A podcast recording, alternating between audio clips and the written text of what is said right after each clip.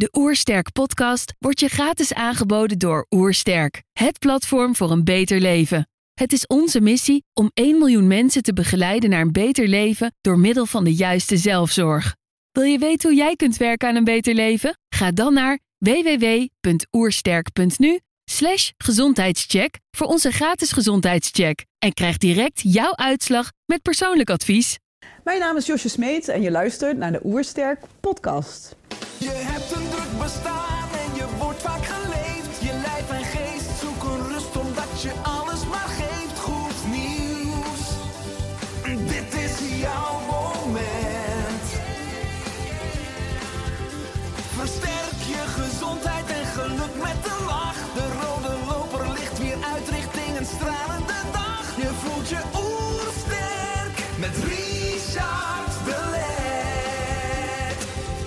We zijn hier in Heemskerk voor een podcast met Josje Smeets. Josje is gelukspsycholoog en oprichter van Hello Betty. Ze is auteur van het boek Happy in 100 dagen. Ik ben benieuwd naar haar tips voor een beter leven.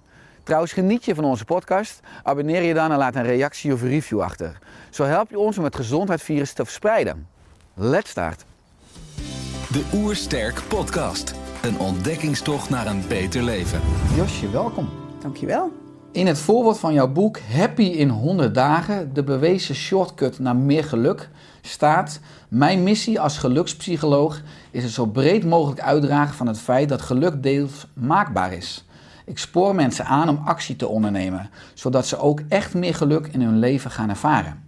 Kun je dit toelichten? Zeker. Ehm, het is eh, wetenschappelijk bewezen door de positieve psychologie dat 50% van je geluk dat dat aangeboren is. En daar word je gewoon mee geboren. Dus het kan zomaar zo zijn dat bijvoorbeeld eh, jij een oma hebt die zwaar depressief is. Nou, dan zul jij ook predisposed zijn, zo noemen we dat. eh, dat je eigenlijk ook eigenlijk een genetische dispositie hebt om misschien wat eerder depressief te raken. Dus als jij een genetische aanleg hebt die wat minder gelukkig is dan bijvoorbeeld die van je buurvrouw, moet je harder werken voor je eigen geluk. Maar de wetenschap heeft ook bewezen dat 10% van je geluk in je omstandigheden zit. Dus wat voor werk je hebt, wat voor partner je hebt, waar je woont, etc. En 40% is eigenlijk hoe je met deze omstandigheden omgaat. Dus ook het coronavirus, waar we nu al zo lang mee te maken hebben. Het gaat er niet om van eh, de wereld gaat eraan, eh, het is allemaal vervelend. Nee, het gaat erom hoe ga jij met deze omstandigheden met het coronavirus om. Dus als jij ertoe in staat bent om telkens je mindset om te zetten naar een positieve mindset, daar zit een heel groot deel van je geluk. Dat is 40% dat dus maakbaar is. Nou, als mensen dat al weten en daar ook in geloven, dan weet ik zeker dat je een heel grote stap voorwaarts zet naar een meer gelukkig leven. Ja, en met die 40% kun je natuurlijk ook die 10% beïnvloeden. Je partner, je werk, waardoor je uiteindelijk 50 al hebt. En dan kan je als tegenhanger tegen die 50 misschien dat je erfelijk een verhoogde neiging hebt. Dus ja, Absoluut. als tegenhanger. Maar wat wel zo is, heel veel mensen die zoomen in op die 10%. Dus die denken op het moment dat ik eh, die ene nieuwe auto ga rijden, dan ben ik gelukkig. Of als ik maar een nieuwe partner heb, dan ben ik gelukkig. Maar daar zit het natuurlijk niet in. Het gaat erom van wat heb ik nu nodig om gelukkig te worden. En daarna ga ik mijn omstandigheden als gevolg daarvan veranderen. Precies, mooi. Het is een andere oorzaak-gevolgrelatie. Ja. Mhm. Want ik lees op de flap van je boek, gelukkig zijn kun je leren. En wat zijn de basisprincipes hè, die ik ook zie terugkomen in je boek? Mhm. De vijf R'en. Ehm, er is heel veel onderzoek naar gedaan. Ik heb dat teruggebracht naar vijf R'en. En dat is, klinkt heel klassiek. We gaan, ik heb het echt in mijn boek over rust, reinheid en regelmaat. Wat je vroeger al leerde toen, eh, ja, eh, toen je klein was. En toen ik zelf, eh, mijn kinderen klein waren. Dat je van oké, kinderen zijn gebaat bij rust, reinheid en regelmaat. Maar wat voor mij ook nog heel belangrijk is, is het stukje relaties. Maar welke mensen ga je nu om? Welke relaties geven nu meer aandacht dan anderen? En het stukje eh, richting. Waar wil jij heen in het leven? Wat zijn jouw doelen? Wat is jouw langetermijnvisie? Wat ik merk, ik eh, werk al twintig jaar als psycholoog. Heel veel mensen komen bij mij en die hebben zoiets van... Jos, ik heb het gevoel dat ik een beetje vastzit. Dat ik in cirkeltjes draai. Ik sta wel op, ik ga naar mijn werk. eh, daarna ga ik leuke dingen doen. De dag daarna word ik weer wakker, ga ik weer leuke dingen doen. Maar ik kom niet vooruit. Er zit geen groei in. Help me. Ik word er ongelukkig van. En dan vraag ik altijd van, ja, maar wat is je visie? Wat is je langetermijndoel? Je persoonlijke doelen? Ja, zegt iedereen. In alle podcasts en alle boeken staat dat wel. Schrijf eens even je doelen op. Maar daar, daar begint het bij mij. Ik heb geen doelen. Ik heb geen idee waar te beginnen. En daarom wilde ik graag dit boek schrijven. Omdat dit boekje begeleidt. Dat is eigenlijk een prequel naar heel veel andere zelfhulpboeken. Hoe bepaal je nu een goed doel? En daarna kun je ermee aan de slag. Ja. ja, dat is natuurlijk wel heel eh, mooi wat je zegt. Want je zegt net, eh, heel veel mensen die denken dat als ze een nieuwe auto hebben of een Mhm. nieuwe partner, dat ze dan gelukkig zijn. Maar Mhm. dus die draaien het om. Eh, aan de andere kant is het ook belangrijk dus dat je richting hebt in je leven. Mhm. Dus als je kijkt naar geluk en succes, wat heel veel mensen nastreven hè, met externe doelen. Maar als je dan iets hebt, hè, die nieuwe auto of die mooie Rolex eh, of die nieuwe partner, vaak Mhm. zakt het geluksniveau weer terug naar, naar normaal. Mhm. Eh, en je zegt het draait eigenlijk veel meer om groei en zingeving. Hè? Dat je aansluit bij je innerlijke drijfveren. Ja, misschien zelfs als je het spiritueel aanvliegt bij je blauwdruk. Hè? Datgene waar je het best in bent. Of datgene wat je misschien wel op de aarde moet doen. Maar afijn, eh, zo, zo breed trek ik hem vaak. Hoe kijk je dus naar geluk en succes in, eh, in het licht van dus ook groei en zingeving? Ja, maar wat jij aangeeft, precies dat is het eigenlijk. Want ehm, ik wil hem zelf ook zo breed trekken. Van denk inderdaad eens na. Stel je voor, je krijgt te horen dat je voor 20 jaar eh, ehm, te overlijden komt. Wat wil ik dan achtergelaten hebben? Waarom ben ik hier eigenlijk? Wat is mijn stempel die ik hier op deze aardbol wil drukken? En op het moment dat je in zo, naar zo'n hoger doel, als je daarover na gaat denken, dan pas kun jij je richting bepalen naar dat hogere doel toe. En dat wil helemaal niet zweverig zeggen dat we een hoger doel moeten bepalen, want dat is heel lastig. Maar we kunnen wel al een veel kleiner concreet doel voor jezelf bepalen. En daar naartoe werken. En als je dan dat doel en de reis daar naartoe, als je daar dan opnieuw je leven naar inricht, en daar past misschien heus wel een nieuwe auto en een Rolex bij, dan heeft ook die Rolex die heeft een functie op weg naar dat doel toe. Maar heel veel mensen die, die, die kopen van alles, of, of, of die, die maken reizen, of die, die verhuizen, zonder dat ze weten waarom ze dat doen. En ik ben echt op zoek naar de why. Waarom ben jij hier? Waarom maken we bepaalde keuzes? Nou, daar moet je naar op zoek. En dan ga je geluk vinden. Dat is mijn... Ja, dan gaat het dus ook vooral over zelfonderzoek, hè, wat in je Mhm. boek ook terugkomt. Eh, wat zijn nou de meest voorkomende denkfouten over geluk die je bij mensen ziet? Ehm, nou ja, ten eerste inderdaad, we veranderen de omstandigheden en dan eh, is het allemaal goed. Maar heel vaak zijn mensen van, ja, maar Josje, jij bent een optimistisch persoon. En jij kan dat allemaal. En jij hebt ook het geluk dat je de contacten hebt. Maar ik heb dat allemaal niet. Ik kan dit niet. Er zijn heel veel mensen die met een fixed mindset denken. En fixed mindset is meer dat je denkt in problemen in plaats van uitdagingen. Mensen wie het leven een beetje overkomt. Dus bekende slachtofferrol. En ehm, wilde wel even toelichten. Ehm, mijn moeder is daar, ja, een heel leuk mens, maar is daar wel een voorbeeld van. Mijn moeder die had altijd, het leven is nu eenmaal saai. Eh, het leven is niet leuk. Je moet gewoon je dingen doen en eigenlijk een beetje je leven uitzitten en dat is het dan. En mijn moeder was dus ook altijd ongelukkig, ontevreden. Nou, dat stukje, die denkfout van het leven is inderdaad saai, van ik kan niks veranderen, want wij hebben die positie niet, wij zijn nederig. Nou, dat is de grootste denkfout. Ik denk dat er wel degelijk in die mindset iets te veranderen valt. Dat je denkt van oké, er zijn misschien heel veel problemen, maar waar zitten de kansen dan voor mij? En met die kansen aan de slag. Want buiten dat je daar optimistischer van wordt, geeft dat je ook weer meer zelfvertrouwen van ah, ik kan wel degelijk iets, self-efficacy. En als ik iets kan, dan betekent dat dat ik misschien nog wel veel meer kan. En zo kom je in je eigen positieve visieuze cirkel in plaats van in die negatieve spiraal. Ja, terug naar eh, het kind. Hè? Eh, jij als kind, je schetst eh, het wereldbeeld van je moeder. Geloofde jij je moeder als kind en heeft dat misschien ook geleid tot een zoektocht waardoor jij misschien naar je eigen geluk, waardoor je gelukspsycholoog bent geworden? Of misschien ook wel, wat ik altijd heel erg heb gehad, ik ben een helper.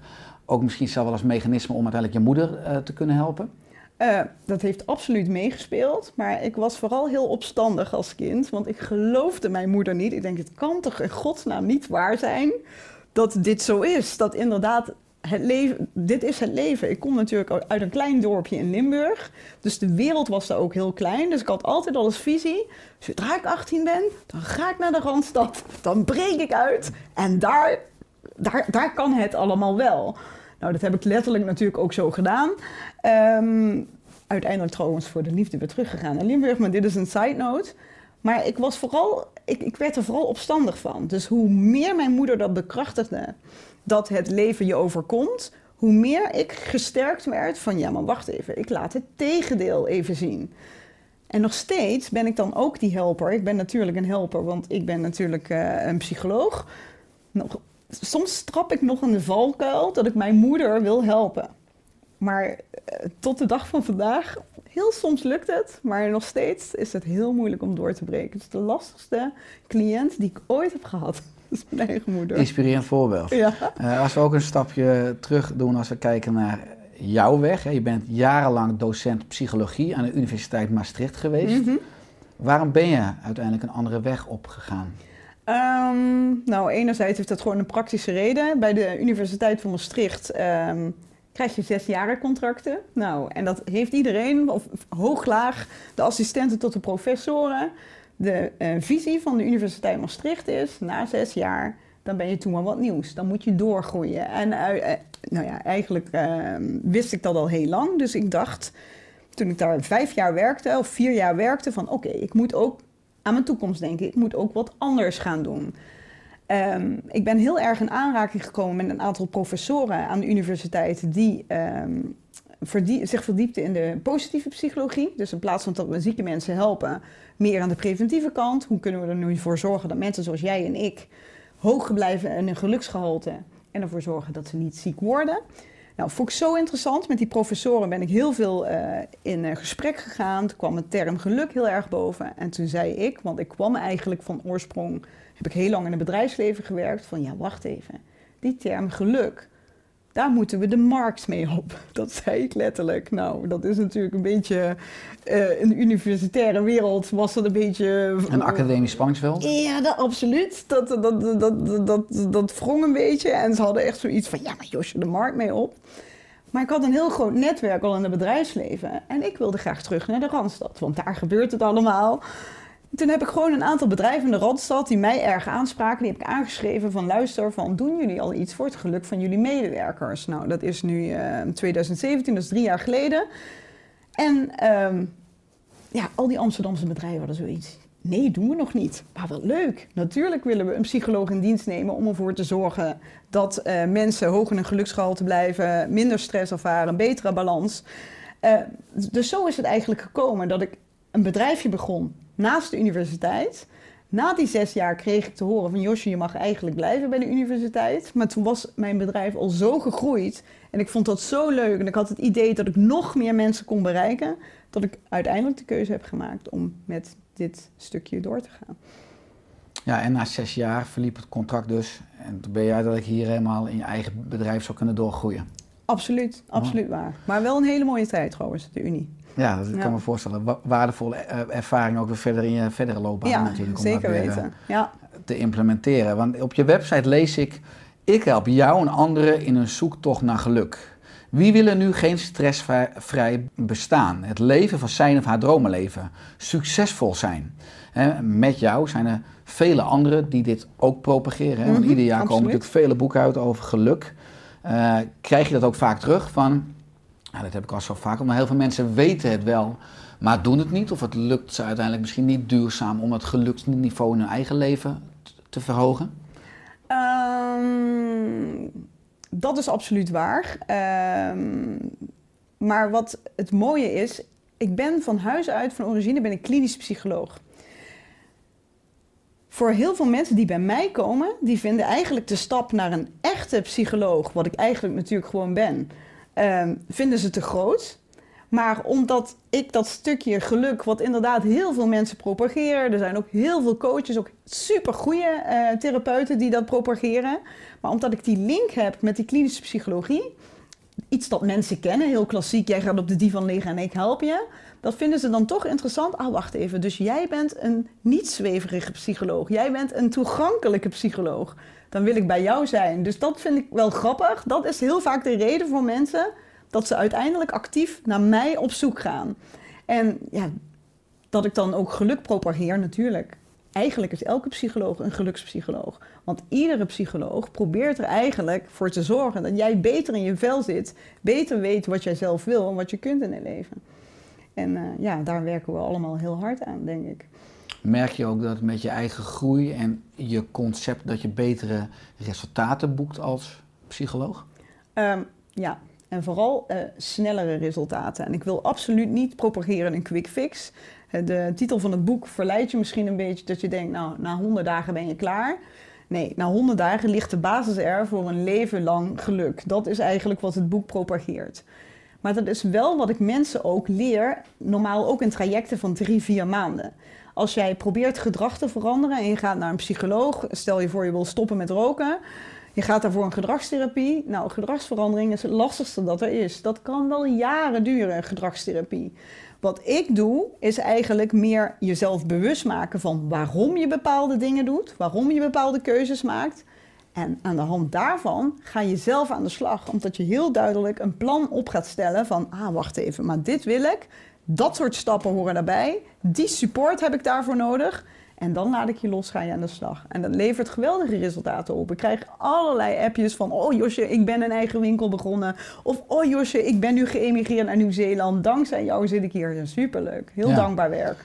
Mooi, want als je kijkt naar eh, Nederland doet het best aardig, hè? wereldwijd. Als je kijkt naar eh, op, de, op de top 10 wat is het, van gelukkigste landen. Eh, nu zijn ook heel veel mensen niet gelukkig. Eh, je noemde net de basisprincipes van geluk, de 5 R's. Hè? Dus de rust, reinheid, regelmaat, relaties en richting. Is het in de moderne leefomgeving ja, dus eigenlijk wel mogelijk om gelukkig te zijn als je dus bijna in de maatschappelijke mal zit. Hè. Veel mensen zijn overprikkeld door, nou ja, of nou is door smartphonegebruik, door eigenlijk eh, de moderne snelheid, het moderne leven. Of moet je juist ook durven af te wijken, zoals zoveel praktische voorbeelden geven die ik ook eh, in je boek zie terugkomen, en je eigen weg durven gaan los van de ongezonde witte kudde, om maar zo te stellen. Ja, eh, ja precies dat. Ehm, wij, eh, het aantal burn-outs is de afgelopen 20 jaar verdubbeld. En dat is één op één, heeft de wetenschap eh, ontdekt, eh, terug te leiden naar de opkomst van de technologie. Dus de mensen die geboren worden met de smartphone in hun achterzak, zoals mijn kinderen bijvoorbeeld, die weten niet anders dan dat ze via het internet de poort hebben naar de hele wereld. Ik merk het zelf ook, zul jij waarschijnlijk ook merken. Op het moment dat je veel tijd besteedt aan social media, besteed je eigenlijk heel veel tijd aan sociale vergelijking. Dus op het moment dat je dat niet hebt, dat je dat loslaat. En ik ben ongelofelijke voorstander van digital detox. Op het moment dat jij niet zoveel met social media bezig bent, dan kun je focussen op jezelf, op, je, op het hier en nu. En dan kun je ook blij zijn met wat je, wat je vandaag hebt. Dan heb je veel hoger zit je dan in je dankbaarheid. Op het moment dat ik denk, ha, ik heb een goede dag gehad. Ik eh, ben bij Richard, ik ben in de podcast geweest. Maar dan stap ik zo in mijn auto, dan check ik mijn social media weer. En dan zie ik dat bijvoorbeeld iemand die ongeveer hetzelfde doet als ik... een nog veel toffere dag heeft gehad. Of bij een nog geweldigere tv-show zat. En dan kan ik zomaar mijn hele geluksgevoel kan dan weer naar beneden donderen, omdat ik me vergelijk met een ander. Nou, sociale vergelijking, dat is echt moordend. En ik trap er ook elke keer weer in, want ik doe natuurlijk dat advies geven, doe dat nou niet. Ehm, as we speak heb ik op dit moment 100 mobiele telefoons in een kluis in Maastricht thuis liggen van medewerkers van een bedrijf die hun persoonlijke telefoon, privételefoon bij mij hebben ingeleverd, omdat ze heel graag twee weken lang zonder social media willen. Ze kunnen dan wel nog eh, via een laptop en een e-mail en Slack kunnen ze wel nog communiceren met het werk. Maar al hun privé socials, privé eh, ehm, eh, apps, et cetera, kunnen ze niet gebruiken. En wat daar dan gebeurt met die mensen, die ervaren dus die eerste erg de rust ongelooflijk. Die mensen die hebben opeens zoiets van, blijkbaar heb ik zeeën van tijd, nooit geweten. Maar ze weten heus wel dat een schermtijd misschien twee, drie, zelfs vier uur is. Maar ze ervaren opeens dat er ruimte is, dat er weer rust is. hun brein is niet telkens overprikkeld. Dat heeft letterlijk de tijd om bij te schakelen. Die batterij die in je brein zit, die kan opladen. En dat, dat stukje pauze, dat stukje rust, dat zorgt ervoor dat de kwaliteit van slaap beter wordt. Dat jij veel meer eh, aan kan op een dag. Dat je optimistischer wordt. Dat je positiever over anderen, maar ook jezelf kan denken. En dat is natuurlijk heel belangrijk. Dat je eigen zelfbeeld en zelfwaarde, dat die omhoog gaat. Waardoor je geluksgevoel ook weer stijgt. Ja, dat is mooi. Want als mensen dus heel veel op social media zijn en zichzelf vergelijken, dan zie je vooral datgene wat er niet is, eventueel, of wat Mhm. ontbreekt. In plaats van als je dus gewoon nu live aanwezig bent in het nu, dan heb je vooral Mhm. hè, aandacht voor datgene wat er wel is. Eh, je geeft het voorbeeld van die, eh, nou, die 100 personen die dan eventueel het mobieltje nu in de kluis eh, laten Mhm. opsluiten. Het fijne is dan natuurlijk, dan heb je niets te kiezen. Nou, ik lees ook dat heel veel mensen hebben een grote bucketlist. Een enorme lijst met taken wat ze willen doen of willen hebben. Dus mensen ervaren dan een overload. En eh, vaak is de reactie daarop, ook van het zenuwstelsel, is dat ze bevriezen. Hè? Is een freeze reaction, dus ze doen niets. Ja. En de kunst is dus om datgene te kiezen eh, wat je echt op de lange termijn gelukkig maakt. Nou, als je ook kijkt naar wereldwijd, hè, van derde wereld tot eh, Europa. eh, sommige mensen hebben niets te kiezen ook. En wij hebben enorm veel te kiezen. We hebben er zelf stress van. Eh, te veel keuzes. Is er een soort optimumpunt tussen geen keuzes? bijvoorbeeld het mobieltje in de kluis, heerlijk. Je hebt niets te kiezen. De oermens, bedoel, die kon in de oeromgeving ook geen eh Alpro sojabeek of snickerboom of chipstruik. Hè? Dus die kon de foute voedingskeuze niet maken. Maar is er een soort optimumpunt tussen niets te kiezen en heel veel keuzes? Ehm, nou, er is eh, een leuk experiment in gedaan. Ik weet niet of je het experiment kent. Ehm, en dat is eigenlijk een hartstikke commercieel experiment. Maar mensen gingen testen van, oké, als je koffie wil verkopen... hoeveel keuzes moet je mensen dan geven... dat ze A, geen stress ervaren, maar B, dat ze ook gaan kopen. En op het moment dat je maar één koffie aanbiedt... Nou, daar hebben mensen zoiets, nou, hartstikke goed, prima, leuk, niks. Nou, op het moment dat er 19 verschillende koffies staan, zoals je bij Nespresso natuurlijk ook wel vaker hebt, met al die smaakjes en weet ik veel eh, wat voor keuzes je hebt. Nou, dan werden mensen overprikkeld. Ze konden de keuze niet meer maken en heel vaak kochten ze of niets of heel weinig. Nou, ze zijn erachter gekomen, als je het beperkt tot drie, tot maximaal vijf verschillende koffies, nou, dat is overzichtelijk voor mensen. Dan kunnen ze het begin en het eind heel goed van elkaar onderscheiden. En dan gingen de mensen met de meeste soorten koffie naar huis. Dus dat is door de wetenschap drie tot vijf keuzes maximaal. Nou, je snapt, met je mobiele telefoon, zo weinig hebben we niet. Zo weinig keuzes op Ja, dag. en, en hoe kunnen we dat vertalen, ook als mensen nu luisteren of Mhm. naar ons op YouTube kijken? Hoe kunnen we dat praktisch vertalen naar ons dagelijks leven? Hè? Drie tot vijf keuzes. Mhm. Of hoe kunnen we dat vertalen naar onze dagagenda? Bijvoorbeeld, ik heb een keer een afspraak gehad met een eh Maasai eh, Ja. uit eh, Afrika, Ja. uit, uit Kenia. En die zei van, ja, in onze cultuur hebben we maximaal drie afspraken per dag. Hè? En dat spreken we, we hebben geen klok als de zon Mhm. opkomt. In het midden van de dag op het hoogste punt. En eventueel aan het einde van de dag als de zon weer gaat zakken. Dus we hebben altijd rust. We hebben altijd aandacht in onze afspraken. Mhm. Omdat we niet bijvoorbeeld een uurtje hebben en dan weer door moeten haasten. Mhm. Vond ik ook inspirerend dat hij zei, je kan maximaal drie afspraken per dag hebben waar je ook echt aandacht hebt. En waar je Mhm. van oplaat en van geniet.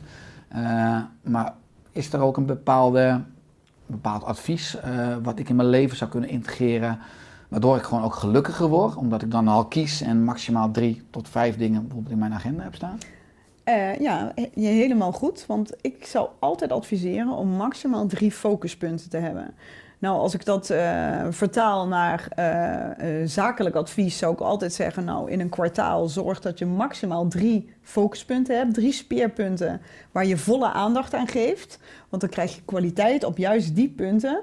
En dan zul je zien dat dat vanzelf vruchtbaar is. Alleen de verleiding is dan weer, nou, er komen heel veel kansen, heel veel uitdagingen, heel veel mensen die je uitnodigen. Daar zou je inderdaad gewoon echt nee tegen moeten zeggen op het moment dat het niet in die drie focuspunten zit. Ik zou niet willen adviseren om maar drie focuspunten per dag te doen en de dag erna weer drie hele andere focuspunten. Probeer drie thema's en daarbinnen maak jij je keuzes en je afspraken op dag. Dus inderdaad, ja, vijf zou ook nog kunnen, maar hou het maar gewoon bij drie. Dat is lekker makkelijk. En dan, Ja. Ja. Want daarmee zeg je, geluk draait dus in de basis om helderheid. Helder hebben wat je belangrijk Mhm. vindt. En dan dus in de dagelijkse uitvoering heel veel nee zeggen. En Ja. dus beperkt ja zeggen tegen die dingen die aansluiten bij die doelen die je belangrijk vindt. Want anders eh, ontspoor je als het ware weer van je pad af en word je weer geleefd. Heel veel mensen leven natuurlijk reactief. Die worden geleefd door al die prikkels die, die op zich afkomen. En het stukje nee zeggen, dat is misschien wel het allerlastigste. Ik zeg altijd, zeg vooral heel vaak ja tegen jezelf. Dus op het moment dat je nee zegt tegen iets anders, zeg je ja tegen jezelf. En ja tegen die keuzes die je wil maken. En dat maakt dat je daardoor positiever kunt staan in het nee zeggen. En dat maakt ook dat je heel erg blij wordt omdat er nieuwe kansen komen binnen die drie focusgebieden. Gewoon omdat je dat ervaart als een sterke ja naar je eigen. Dat is mooi. Dat is een sterke reframing. Dat we veel meer voor onszelf en ons eigen geluk. Dus Mhm. Ja. niet alleen maar mogen, maar ook moeten kiezen. Hè? Want Ja. heel veel mensen die weten wat ze niet willen. En niet per Mhm. se wat ze wel willen. Nou, ik hoorde ook van jou, heel veel mensen weten ook niet wat ze echt gelukkig maakt. Eh, Je lichtte dat laatst toe in eh, een interview in eh, de krant. Voor Mhm. mij was het de Telegraaf. En op de vraag wat mensen over vijf jaar willen doen, antwoorden mensen bijvoorbeeld: Ik wil een wereldreis maken of ik wil vrij zijn. Terwijl ze op dat moment bijvoorbeeld 20 jaar zijn getrouwd of al 30 jaar in loondienst bij hetzelfde bedrijf werken. Jij zei toen: eh, Je moet je dan toch gaan afvragen of die droom wel strookt met wat iemand echt wil. Kennelijk verlangt deze persoon in zijn hart vooral naar veiligheid en geborgenheid. Nou, toen ik dat las, dacht ik, zijn mensen diep van binnen altijd op zoek naar een gevoel, hè, wat ze dan denken te bereiken met spullen of geld? Ehm, nee, dat niet. Maar waar mensen altijd, die willen zich op een bepaalde manier profileren en neerzetten. Het is voor ons mensen ontzettend belangrijk wat anderen van je denken. En eh, ik kan wel het advies geven, nou daar moet je je niks van aantrekken, maar dat is hartstikke lastig. Want we zijn sociale wezens, we zijn allemaal verbonden met elkaar. Dus nogal logisch dat je rekening houdt met wat een ander over jou denkt. Alleen ehm, op het moment dat jij je beter wil profileren, ook weer via social media, maar ook in het echte leven, dan datgene dat je daadwerkelijk bent, dat jij je eigen kwetsbare ik eigenlijk niet durft te tonen, omdat je misschien denkt dat die kwetsbare ik niet goed genoeg is, daar gaat het mis. En het klinkt natuurlijk helemaal niet ehm, ehm, sexy of zo op het moment dat je zegt, nou, ik hou eigenlijk van een huisje, boompje, beestje. Ik ben eigenlijk iemand die naar veiligheid op zoek is en die van heel veel zekerheid houdt.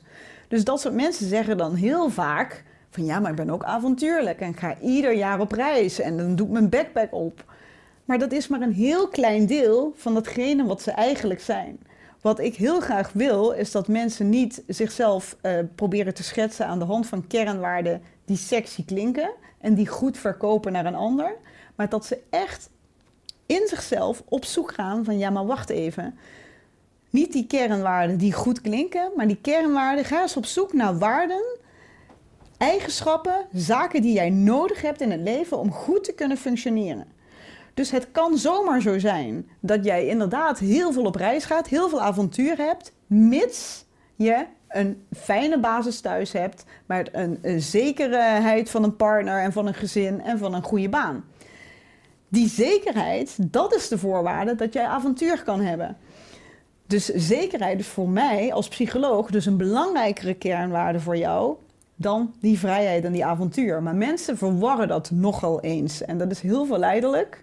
Ook mensen die al bezig zijn met het boek en die moeten dan zomaar kernwaarden uitzoeken. Dat vind ik altijd heel mooi, dat mensen inderdaad zich laten verleiden door die woorden die heel mooi klinken. En daar gaat het boek juist niet om. Het is vooral van, nee, nee, nee, wat heb jij nou nodig om goed te kunnen functioneren en vooral geen stress te ervaren. Dat is jouw echte ik. Ja. ja, want als je kijkt naar de evolutie, hebben we inderdaad een instinct ontwikkeld dat we erkend willen worden. Dat we het belangrijk vinden dat andere mensen ons aardig vinden. Of als je dat ook vertaalt naar de evolutie, we leefden vaak in groepen van 100 tot 150 personen, onze tribe. En het was belangrijk dat je binnen de groep leefde. Hè? Want als je verstoten werd, dan was de kans op overleving bijna nul, maar ook natuurlijk op voortplanten in je eentje.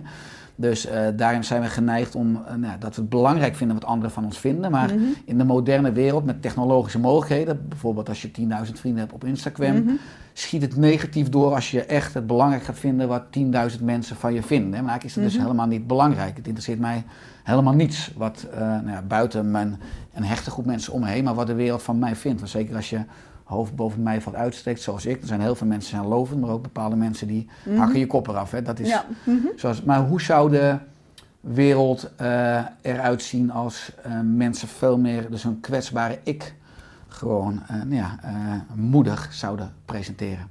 Als ze niets te verbergen hebben. Ehm, nou, ten eerste denk ik dat je veel meer echte verbinding zou krijgen. Want eh, nu, precies wat je aangeeft, van jij hebt eh, misschien wel 10.000 volgers op Instagram. Nou, met welke van deze mensen voel jij je nou echt ver- verbonden? Dat is waarschijnlijk maar een handvol. Ehm, echte vriendschappen, ook dat is vaak op één of twee handen te tellen van mensen. Maar juist van die echte vriendschappen, die ware verbinding, waarbij je een keer mag huilen, waarbij je een keer kwetsbaar mag zijn. Mensen die gewoon van je houden om de persoon met wie je bent, ongeacht of je af en toe een slecht humeur hebt of dat je af en toe eens eh, eh, verdrietig bent. Dat soort verbinding, dat maakt dat wij gelukkig worden. Want sociale interactie, dat is eh, sociale verbondenheid, is geluksbevorderaar nummer twee. Dus ik denk op het moment dat wij veel meer ons ware ik durven tonen, hebben we veel meer kans op echte verbinding en echte connectie. En dat maakt sowieso dat je veel gelukkiger wordt. Dan komt die oxytocine vanzelf vrij. En de serotonine en de dopamine. Ja, dus die maskers mogen veel meer af. Die rollen die we allemaal spelen en allemaal misschien ook wel onbewust in stand houden. De maatschappij zou veel leuker en veel eh, intiemer worden, maar ook veel beter voor onze hormoonhuishouding als we gewoon onszelf zijn met onze sterke en zwakke punten. Ik bedoel, dat is wie we zijn. Ja, absoluut waar. Als ik eh, bijvoorbeeld een training of een lezing bij een bedrijf geef, zoom ik daar ook altijd op in. Want juist dat is het stukje wat ik in het begin eh, van deze uitzending vertelde, van dat we inzoomen op die omstandigheden. Hè? Ehm, wat ik vaak bij bedrijven krijg te horen van, nou, eh, ik heb een vervelende baas of ik heb gewoon een rot collega. Op het moment dat die collega weg is, dan ben ik gelukkig, dan heb ik een fijne baan. Wat ik mensen dan leer is van nee, probeer nu eens een stapje terug te doen, los van onze vooroordelen. Probeer eens opnieuw naar deze mensen te kijken. Heb je wel eens een echt gesprek gehad met deze mensen? Of is het puur aan de hand van de acties en in zijn functie als leiding- leidinggevende dat je deze persoon niet mag? Maar heb je al eens ware verbinding proberen te creëren? Nou, en dan hebben we daar een aantal oefeningen voor en dan gaan mensen echt met elkaar in gesprek. En dan zie je dus opeens dat die vooroordelen wat afbrokkelen en dat er een ware connectie ontstaat. En dan opeens kun je met een hele andere mindset opnieuw naar die persoon kijken en anders met die omstandigheden omgaan. En dat maakt juist dat mensen opeens wel weer gelukkig kunnen worden op hun werk. En daar zit het hem echt in, denk ik. Opnieuw en ware connectie eh, proberen te creëren door jezelf wat meer kwetsbaar op te stellen. Exact. En als je een ander dus ook beter begrijpt, hè, vanuit iemand zijn motief of zijn Mhm. drijfveren, dan kan je ook veel, veel beter verbinden. Of dan snap je veel beter het Ja, gedrag. Zeker. zonder je eraan te irriteren. Hè. Als je nu kijkt in het huidige tijdperk, hè, ook met het, eh, het virus, het coronavirus, hebben steeds meer mensen psychische klachten, van angst tot depressiviteit. Mhm. En logisch gevolg is dan natuurlijk ook dat ze niet of minder gelukkig zijn. Eh, hoe kunnen mensen zich juist nu mentaal gezond houden? Ehm, nou, dat is een hele grote uitdaging natuurlijk. Ehm, die basisprincipes die in het boek staan, dat komt heel veel terug op datgene wat heel veel mensen prediken. Blijf gezond eten. Blijf eh, in beweging. Beweging, lichaamsbeweging is geluksbevorderaar nummer één. Het is de enige manier om alle vier de gelukshormonen tegelijkertijd in je brein eh, vrij, vrij te laten geven. Dus dat is dus heel belangrijk dat je in beweging blijft heel veel mensen die verschillen in mening van wanneer moet je dan bewegen, hoe lang moet je dan bewegen. Eh, nou, als je al een paar minuten beweegt, dan gaat je zelfvertrouwen omhoog. Maar het is wel wetenschappelijk bewezen dat die gelukshormonen, die komen pas vrij nadat je 30 minuten aaneengesloten echt eh, je hartslag verhoogt. Dus ik wil mensen altijd aanbevelen, probeer het nu 30 minuten aaneengesloten te doen. Nou, het hoeft niet eens heel heftig te zijn, dan ga je je huis stofzuigen, vind ik ook helemaal prima. Op het moment dat die gelukshormonen vrijgegeven worden, dan blijven ze echt urenlang in je systeem. Dus dan kun je de rest van de dag heb je daar profijt van. Dus dat is echt iets wat we moeten blijven doen in, tijdens deze crisis. Zelfs als de sportscholen dicht zijn, ga naar buiten. Ook buiten, zonlicht, endorfine, serotonine wordt aangemaakt door daglicht. Op het moment dat de dagen korter zijn, Er zijn heel veel mensen met een winterdipje. Dat komt één op één door het gebrek aan daglicht. Hoe vroeger op de dag jij naar buiten gaat, hoe meer van dat blauwe lucht, eh, licht buiten in, eh, ja, in de atmosfeer zit.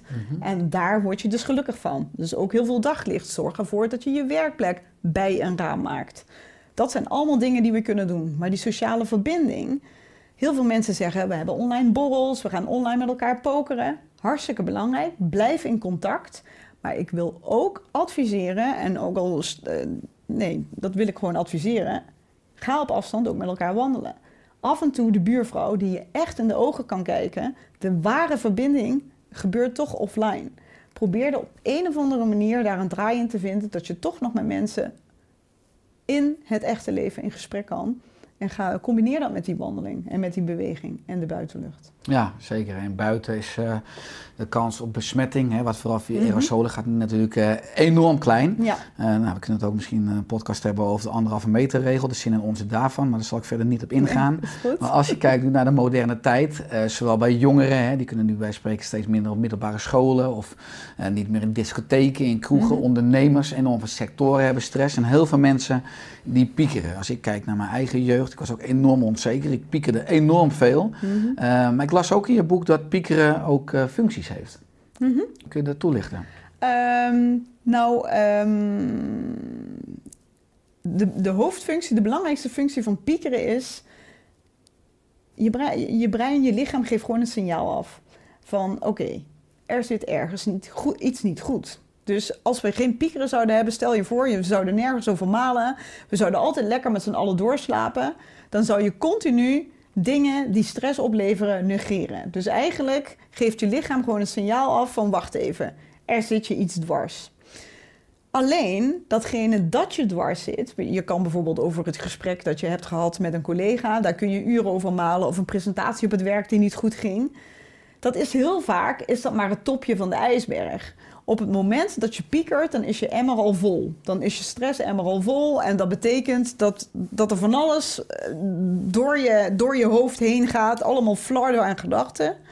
Het is de kunst om bij het piekeren, en dat is dus eh, ook hetgene wat de pieker uiteindelijk kan oplossen, dat je erachter komt van wat ligt daar nu aan ten oorzaak? Wat is nou de echte oorzaak van mijn stress? Wat maakt nu dat ik vandaag over die presentatie zo ja, dat ik daar zo mee in mijn maag zit? Dus de functie van piekeren is ten eerste in ieder geval dat je eh, lichaam of je brein een signaaltje afgeeft van wacht even, er is iets mis. Aan de andere kant is piekeren, en dat is vooral mijn visie op piekeren, maar ik denk dat dat echt is wat gebeurt. Ehm, heel veel mensen proberen dingen te fixen. Die proberen altijd maar aan oplossingen te denken.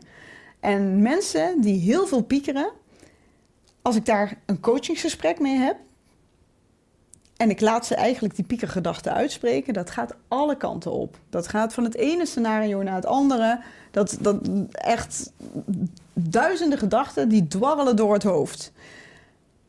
Eigenlijk probeer je, door te piekeren, probeer je structuur aan te brengen in die gedachten. Je probeert gewoon om al die gedachten een beetje op te ruimen, om die in laadjes te stoppen. Je probeert een quick fix te verzinnen. Dat het uiteindelijk niet werkt en dat je van het ene naar het andere, ja, dat is inderdaad wat dat is het logische gevolg van piekeren. Maar dat is eigenlijk wat je wil zeggen. We zijn overprikkeld, er is te veel. We proberen het op te ruimen. Veel beter is natuurlijk om na te denken: wacht even, waarom is het te veel? Moet ik dan morgen niet een keer wat minder gaan doen, zodat ik uiteindelijk dat die emmer niet overloopt en dat ik niet meer ga piekeren? Ja, logisch. Eh, nou, je geeft, je hebt een boek dus, je geeft lezingen, je geeft workshop, eh, workshops, je geeft ook managementtrainingen. Eh, je ziet natuurlijk op, op werkvloeren, op de zakelijke markt, dat er veel burn-out is. Mensen zijn overprikkeld, maar er is ook veel bore-out. Mensen zijn onderprikkeld.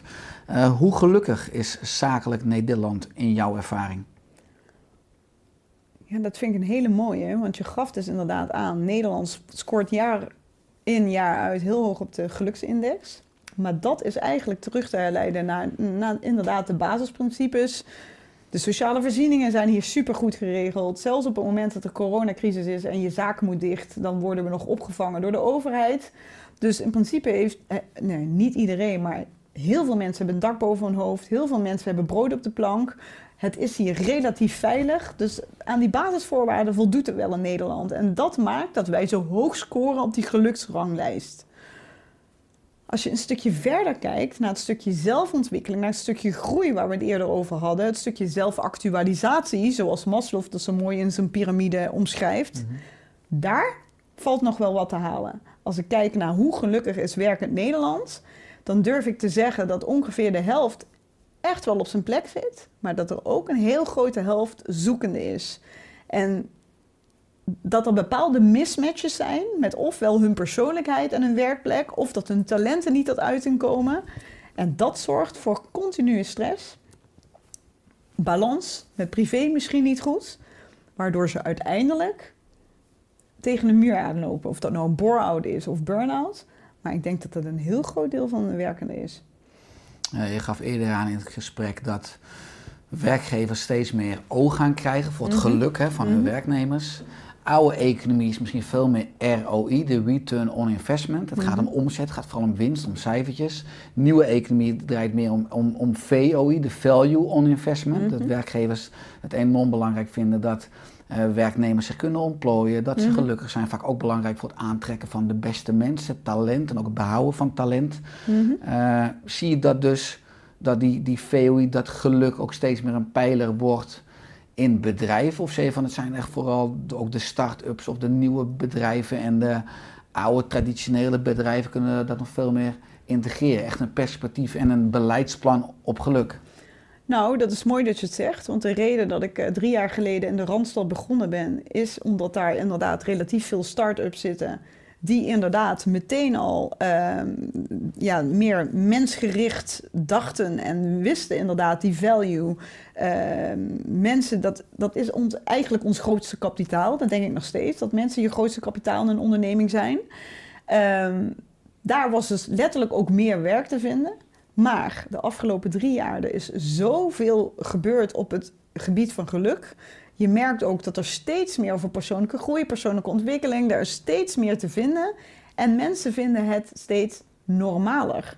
Dus ik merk dus nu, eh, en gewoon als ik het even geografisch naar het zuiden van Nederland, dat zelfs in de provincie Limburg, we lopen altijd een stukje achter, dat daar steeds meer focus komt, ook bij de grote bedrijven, maar ook gevestigde bedrijven zoals bijvoorbeeld de Rabobank, dat die ook zoiets heeft, ja nee, wacht even, mensen zijn ons grootste kapitaal. Als we daar niet in investeren, als we niet ervoor zorgen dat die mensen, dat daar goed voor gezorgd wordt, dan gaan wij uiteindelijk de, dan gaan wij de strijd niet winnen. Want die mensen die lopen ofwel weg, of die worden ziek.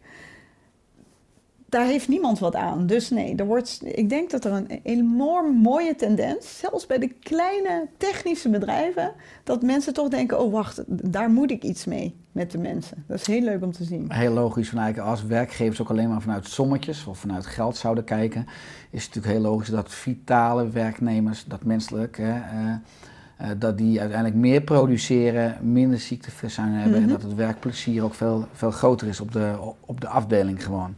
Eh, nou, in het boek geef je enorm veel eh, basistips. Hè. Geluk is misschien voor sommigen heel erg abstract, maar je zegt ook onder andere: doe iedere dag een saai klusje dat direct een zichtbaar resultaat oplevert. Mhm. En waarom is dit prettig voor ons brein? Ehm, nou, precies wat je aangeeft, die, die overprikkeling, eh, de hele tijd staan we aan.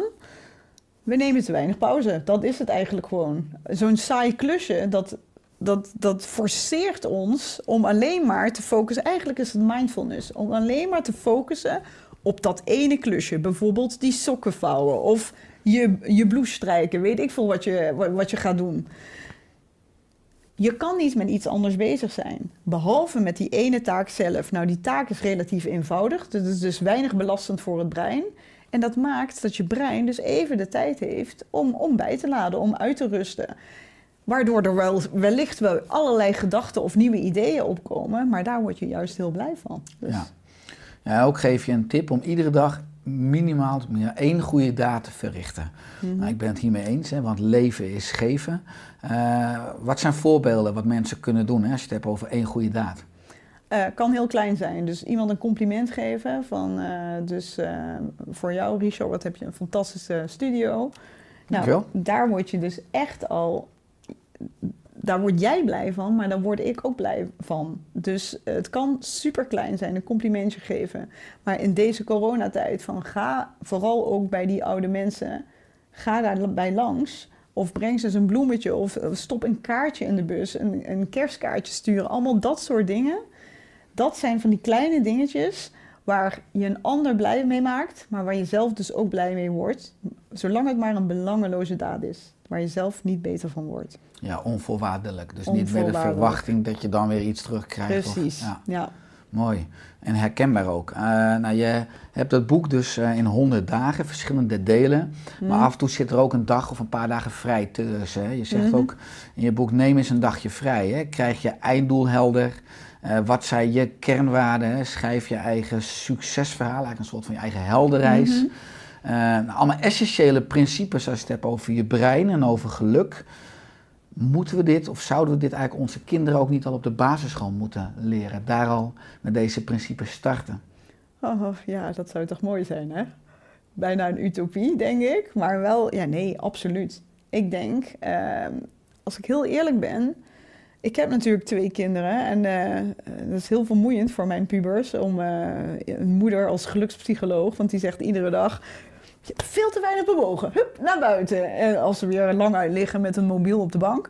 Ehm, maar ik denk dat ik het in de eerste instantie, eh, toen ik gevraagd werd om dit boek te schrijven, dat was natuurlijk een hele eer. Maar ik heb het ook vooral opgeschreven. Ik denk zo, wat er ook gebeurt, mijn kinderen hebben het boekje in ieder geval. Ik denk dat het heel belangrijk is voor kinderen. Ik zie dat ehm, mijn zoon zit nu eh, in eh, twee ateneum. En het enige focus is op het cognitieve gedeelte. En hoe kan hij nou eh, zo snel mogelijk eh, zijn biologietoets eh, naar binnen rammen, om het zo maar te zeggen. Terwijl op het moment dat het misschien dat er iets gebeurt, waardoor er spanning is tussen, tussen vrienden of weet ik veel wat, dan kan hij zo ontdaan zijn dat dat leren, dat lukt dan ook niet meer. Ik denk dat het veel belangrijker is dat ook hij leert van waarom doe ik deze school eigenlijk? Waarom draagt dat bij aan mijn geluk? Ehm, zullen we ook focus geven aan die sociale verbinding met die vrienden? Kunnen we daar even aandacht aan geven? Hoe leer ik nu om bepaalde vriendschappen goed te houden? Als we dat zouden implementeren, nou, dan weet ik zeker dat iedereen beter in zijn vel zit en daardoor veel productiever wordt. En ook betere output levert. Ik denk dat de soft skills, dat daar veel te weinig aandacht voor is in het onderwijs. Ja, dus naast eh, alleen maar die hersenschors, die juiste kennis, ook het eh, mentale, het emotionele, misschien zelfs wel het spirituele, maar die Mhm. totale mens zal eigenlijk in de ontwikkeling, in de rijping, eh, in ieder geval daar kinderen over laten nadenken. Om ook erachter te komen, wie ben ik nou? En Ja. wat wil ik nou echt? En waar word ik ook gelukkig van? Ja, helemaal mee eens. Want ook aan de universiteit was het zelfs zo dat eh, ook heel veel burn-out overigens. van mensen die, studenten die gewoon maar 12 uur per dag aan het studeren waren.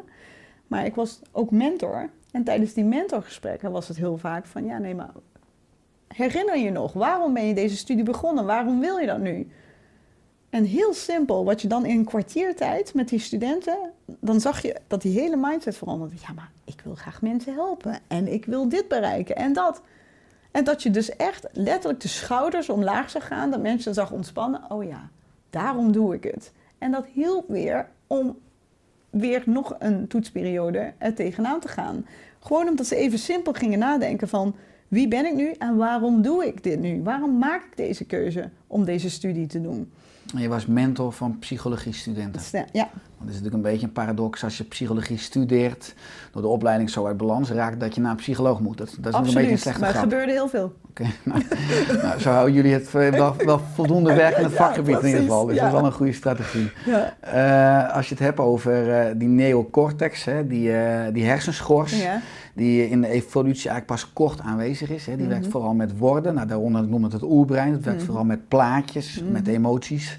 Oersterk, oerbrein. Precies, eh, Mhm. kan je ook krachtig op inwerken met visualisatie. Dat benoem je ook in je boek, hè? kom daar terug. Wat is nou de kracht voor jou van visualisatie? Ehm, nou, ehm, dit boek is vrij rationeel. Het is eh, precies wat je zegt eh, eh, op het nieuwe brein eh, geënt. Van ga nou eens gewoon rationeel nadenken. Wat wil je, wat kun je? Maar op het moment dat mensen daar vastlopen en denken van, nou ja, ik kan denk, nadenken wat ik wil, maar ik kom er niet. Dat is ook juist de reden waarom ik dit boek lees. Visualisatie is echt gewoon heerlijk. Je kan gewoon gaan zitten. Je kan, ik noem het vaak dagdromen ook. Als je visualisatie te zweverig vindt, ga eens dagdromen. Van, goh, stel je voor, over een jaar van nu, of over vijf jaar van nu, of over twintig jaar van nu. Waar zou je wonen? Waar zou je willen staan? Met wat voor mensen wil je omgaan? Uh, wat heb je dan aan? Hoe ruikt het er? Hoe ziet het er? Dat vinden mensen op een of andere manier uh, niet alleen veel prettiger en veel fijner. Ze voelen zich er vooral heel prettig bij, maar het lijkt ook makkelijker. Op een of andere manier, als je je ogen sluit en je probeert echt een film voorbij te laten komen. Mensen uh, die moeite hebben met uh, taal en de productie van taal, die kunnen heel vaak wel heel goed die hele film voor zich zien. En die film, die komt tot leven en daar ruiken mensen. Dat, dat, dat roept herinneringen op. Daar word je alweer blij van. Ik denk dat het een enorm krachtig instrument is om alle emoties, om die samen te vatten. Dat komt in visualisatie. En bij een rationeel oefening invullen, ja, dan komt eigenlijk nauwelijks emotie bij kijken. Dus ik vind het een enorm krachtig instrument. Wel lastig om uh, via een boek uh, over te kunnen brengen. Mm -hmm. En hoe vaak doe je het zelf, dagdromen? Uh, vaak. Heel vaak. Ehm, maar dat doe ik meestal tijdens het hardlopen. Dus dan geef ik mijzelf de ruimte van nu is het me-time. Nu kan ik gewoon even dagdromen van oké. Okay, in ideaal scenario, wat wil je deze week bereiken? Wat wil je vandaag bereiken? Nou, en dan flitsen er allerlei uh, films en emoties en uh, denkbeelden voorbij. En daar pik ik dan een aantal dingen uit en daar ga ik altijd mee aan de slag. Ja, want het boek zit natuurlijk ook vol met uh, nou, enorm veel praktische tips en een, en een kader en een 100 dagen plan. maar heb je voor jezelf ook al dus een ideale soort blauwdruk van je dag? Ik, ik hoor hardlopen, ik hoor dagdromen. Mm -hmm. um, zeker, ik uh, heb een heel sterk ochtendritueel. Ik zal elke dag hetzelfde beginnen. Um, sta op, ik ga inderdaad meteen een uur hardlopen. Dat, dat, dat krijg je er niet Ho uit. Hoe laat sta je op? Uh, vanochtend was het kwart over zes, maar meestal is het half zeven, zo ongeveer. Okay. Um, enige nadeel is dat ik nu in het donker moet hardlopen. Dat vind ik dan wel wat jammer. Maar dan nog, um, ik ga dan echt helemaal op in, um, in mijn eigen gedachten, in mijn eigen gevoelens. Uh, het is voor mij een manier om even uh, mijn hoofd leeg te maken en vooral me voor te bereiden voor de dag die komen gaat. Daarna uh, ontbijt met de kinderen, die gaan dan doorgaans naar school. Ja, dan nu dan even niet. Um, en dan begin ik gewoon uh, aan mijn werkdag. En die staat meestal heel erg volgepland. En omdat ik natuurlijk heel veel mensen begeleid, ben ik heel veel aan het praten. Mijn hele dag zit vol met meetings. Dus dat stukje nadenken en uh, ideeën vormen, dat zit ook alleen maar helemaal begin aan de dag en aan het eind van de dag. Ik zal mijn werkdag ook altijd eindigen met nog een uur voor mezelf. En dat is dan niet alleen maar mijn mails checken en praktisch, maar dat is dan ook inderdaad eventjes weer gaan wandelen, weer naar buiten. En eventjes uh, door de kracht van het wandelen opnieuw na te denken van wacht even, hoe is mijn dag nu gegaan? Heb ik mijn doelen bereikt? Uh, wat zou er anders kunnen? Dus uh, heel sterk zit ik ook in de structuur. Dus dat is in de een regelmaat. Soort, een soort veiligheidspal in de ochtend al om die mm -hmm. hele dag vol met afspraken aan te kunnen. Heb je dan ook nog een soort avondritueel om weer helemaal te ontkoppelen van al die prikkels die je op een dag hebt? Uh, wil je een eerlijk antwoord? Altijd. um, eigenlijk heb ik dat, zou ik dat idealiter hebben, maar ik merk dat ik vaak toch nog bezig ben um, met werk. Daarna is wel mijn gezin krijgt altijd de ruimte. Mm -hmm. Echt sowieso, eetmoment is bij ons heilig, het avondeten. Dan wordt de dag doorgesproken. En het mooie is dan ook, als je dan de, de visie van de kinderen hoort, dan kun je helemaal uit je eigen wereld stappen. En in het, in het echte hier en nu denken, ah, dat is waar het om draait. Dan gaan we ook altijd met het hele gezin nog een uurtje samen zitten, lekker vertellen van hoe was jouw dag.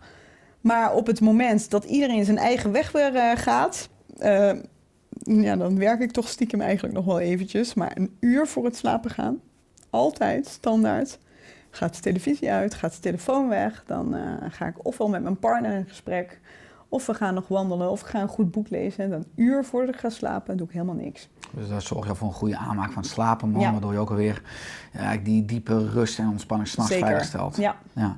Eh, het boek kwam natuurlijk eh, eind verleden jaar uit, hè, eind 2020. Eh, wat is nou het gekste, misschien sinds het uitkomen van het boek, wat je, of het leukste wat je hebt meegemaakt? Ehm, dat is een mooie vraag. Ehm, wat ik vooral heel mooi vind, maar dat is altijd natuurlijk als je met zaken bezig bent, is ehm, heel veel mensen die, die, spreken jou aan of die bellen jou op, die sturen jou een DM. En dat is altijd al zo, maar daar zitten dan, eh, sinds, sinds het boek verschenen is, eh, krijg je gewoon eh, de gekste telefoontjes en de gekste verzoeken.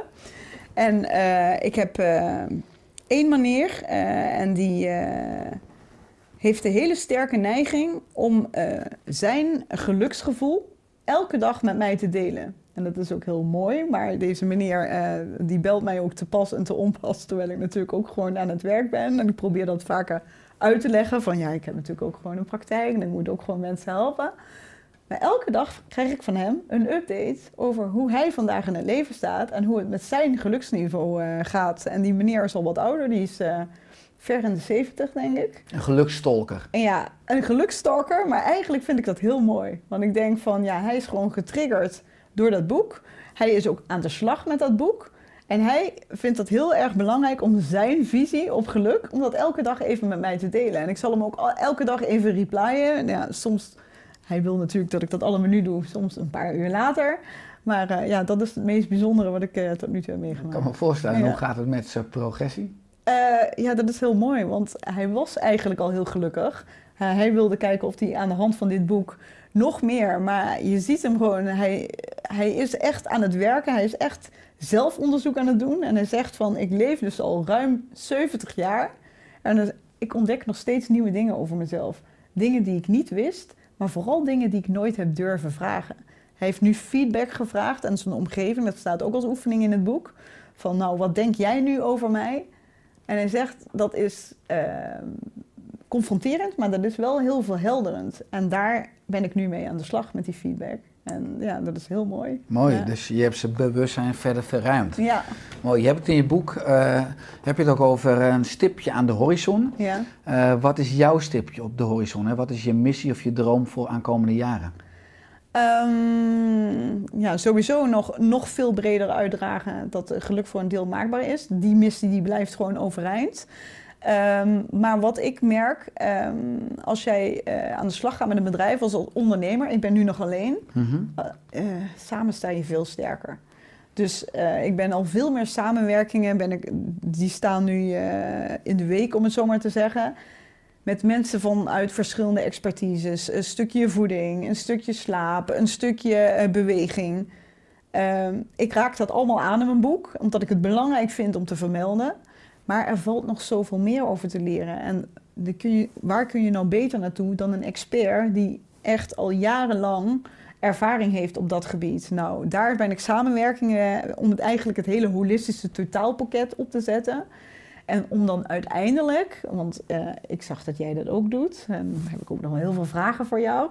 Een soort van opleiding te bouwen van, nou, hoe kunnen we nou nog meer mensen, nog meer coaches, meer opleiden op het stukje geluk, op het stukje vitaliteit. Er zijn heel veel coaches die zich ook bij mij melden. Die hebben natuurlijk een bepaalde coachopleiding gedaan, maar die toch het stukje positieve psychologie dat niet hebben gehad en dan van een ervaringsdeskundige willen leren. En ik denk, hoe leuk zou het zijn als je met een heel grote community dit hele stukje naar buiten kunt brengen om nog veel meer mensen te mobiliseren. En er zijn heel veel mensen die dat al doen, maar mijn stipje is inderdaad om ook met dan, samen met een community. te Mooi, leuk. Samen is veel leuker dan alleen en het is harder nodig dan ooit. Hè? Ja. Eh, is er aan het einde van de podcast, eh, Josje, nog iets wat je graag wilt toevoegen? Eens even denken, hoe gelukkig ben jij? Dat is dus even een vraag. Goeie vraag. Ik ben, maar zeker dat is een, pro- een proces van ruim een jaar, enorm gelukkig. Maar ik, Mhm. heb, eh, ik ben eh, in mijn leven, ik stip het al net, net aan, altijd wel vrij onzeker geweest, angstig geweest. Altijd Mhm. doelen gehad die te maken hadden met de toekomst, een eigen opleiding. het bedrijf stabiel hebben. Nogmaals, we hebben ook aardig wat mensen in dienst, waardoor Mhm. er altijd iets is. En zeker afgelopen jaar zijn eh, eigenlijk, eigenlijk, het is gewoon, het is allemaal hartstikke stabiel. Eh, ik ben gelukkig, ik heb een fantastisch team. Dus ik ben, omdat er steeds meer rust is, heb ik ook veel meer tijd om te zien wat er al is. In plaats van Mhm. dat ik weer een toekomstig doel heb. En ik ben enorm blij en dankbaar. Eh, ik ben ook niet meer bezig met groei. Ik ben nu eigenlijk gewoon bezig met stabilisatie. Want als ik Mhm. het zo stabiel kan houden zoals het nu allemaal draait, ja, dan ben ik eigenlijk de gelukkigste man op aarde. Ook ik ben enorm veel thuis. Ik was de vader die het meest op het schoolplein stond. Nou, nu Mhm. de afgelopen maanden met corona mocht je als ouder niet op het schoolplein. Mhm. Maar mijn jongste zoon eh, is eh, twee jaar, James. Ik ben Mhm. enorm veel. Ik ben iedere avond half zes thuis. Eh, mijn oudste zoon Noah is tien, ik, tien jaar. Ik sport ook met hem, dus ik ben enorm veel thuis. Ik doe van mee met de jongens. Ik ben zijn voetbaltrainer. Eh, sociaal. Dus ik heb enorm veel balans in verschillende domeinen van het leven. Mhm. En ik ben vooral ook enorm dankbaar en gelukkig met dat ik met Oersterk echt honderdduizenden mensen per jaar nu mag bereiken. En Mhm. ook eh, nou, daar steeds meer impact mee heb. Dus eh, ja, ik ben, ik, ben, ik ben denk ik, nou ja, ik zou geen zeggen tien, maar zeker een negen. Ja. Nou, zeker. Dat is hartstikke goed. Ja, en zou het nog gelukkiger kunnen? Het Of zit je aan je max? Nee, nee, nee. Wat, wat mijn leerpunt is, is dat ik eh, soms nog wel eh, met, met alles in de bedrijven geleefd word. En wat meer ontspannen ook op zijn tijd. En eh, wat meer ook het juiste perspectief. En zeker als ik enorm druk ben, dan heb ik ook wat la- last van wat meer angst. Eh, dat zou absoluut nog wel iets beter kunnen. Gewoon wat, wat nog betere balans tussen inspanning en ontspanning door het jaar heen. Oké. Ja. ja. Mooie. Ja. Ja, zeker. Eh, als mensen meer willen weten over jou, eh, over jouw boek, over je diensten, waar kunnen Mhm. mensen meer vinden? Eh, op www.hellobetty.nl. Ehm, verder heb ik een Instagram kanaal, dat is gewoon Josje Smeets. Maar hellobetty.nl vind je heel veel. Dank voor je komst in de Oersterk podcast, Josje. En Ja. eh, dat we samen nog maar bruggen mogen bouwen naar een gelukkiger en gezonder Nederland en België. Zeker, Richard. En ik ga heel veel van je leren, dat weet ik zeker. Dankjewel. Met liefde, graag gedaan.